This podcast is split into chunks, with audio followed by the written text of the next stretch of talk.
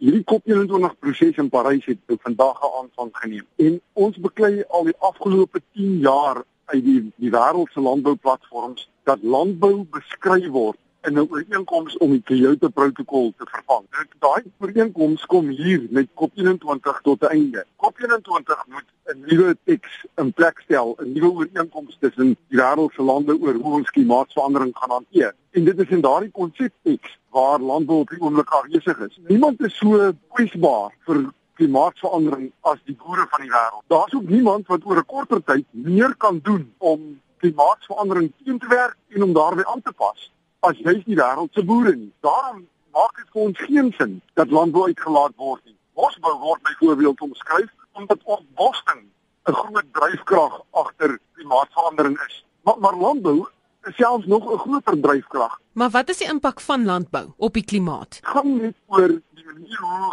uh, gasse in die, in die atmosfeer uitgelaat word nie. Dit gaan ook oor die praktyke wat in landbou gevolg word. Grootskaalse bespuiting met chemikalieë die ondolwe van die boelaag van die grond as 'n mens ploeg en en natuurlik die grootste sondebok van almal is die gasse uh, veral ammoniak wat ontsnap deur die monde van vee. Nou 'n mens kan sê daarin kan kan bloedwyne gedoen word. Maar hier in Afrika kry ons 'n verskynsel dat dat 'n grootste deel van die kontinentale veekudde van ouderdom sterf en nie in 'n kommersiële siklus is nie. Mense slag nie hulle vee nie, hulle hou dit net as 'n as 'n tipe van 'n status simbool. In plaas daarvan dat 'n boer in Afrika 30 koeie aanhou wat elkeen 1 liter melk gee, moet ons by 'n dispensasie uitkom waar hy 1 koeie aanhou wat 30 liter melk kan gee. En en dit beteken 'n uh, 'n uh, uh, oorrap na 'n uh, nuwe manier van dink oor landbou.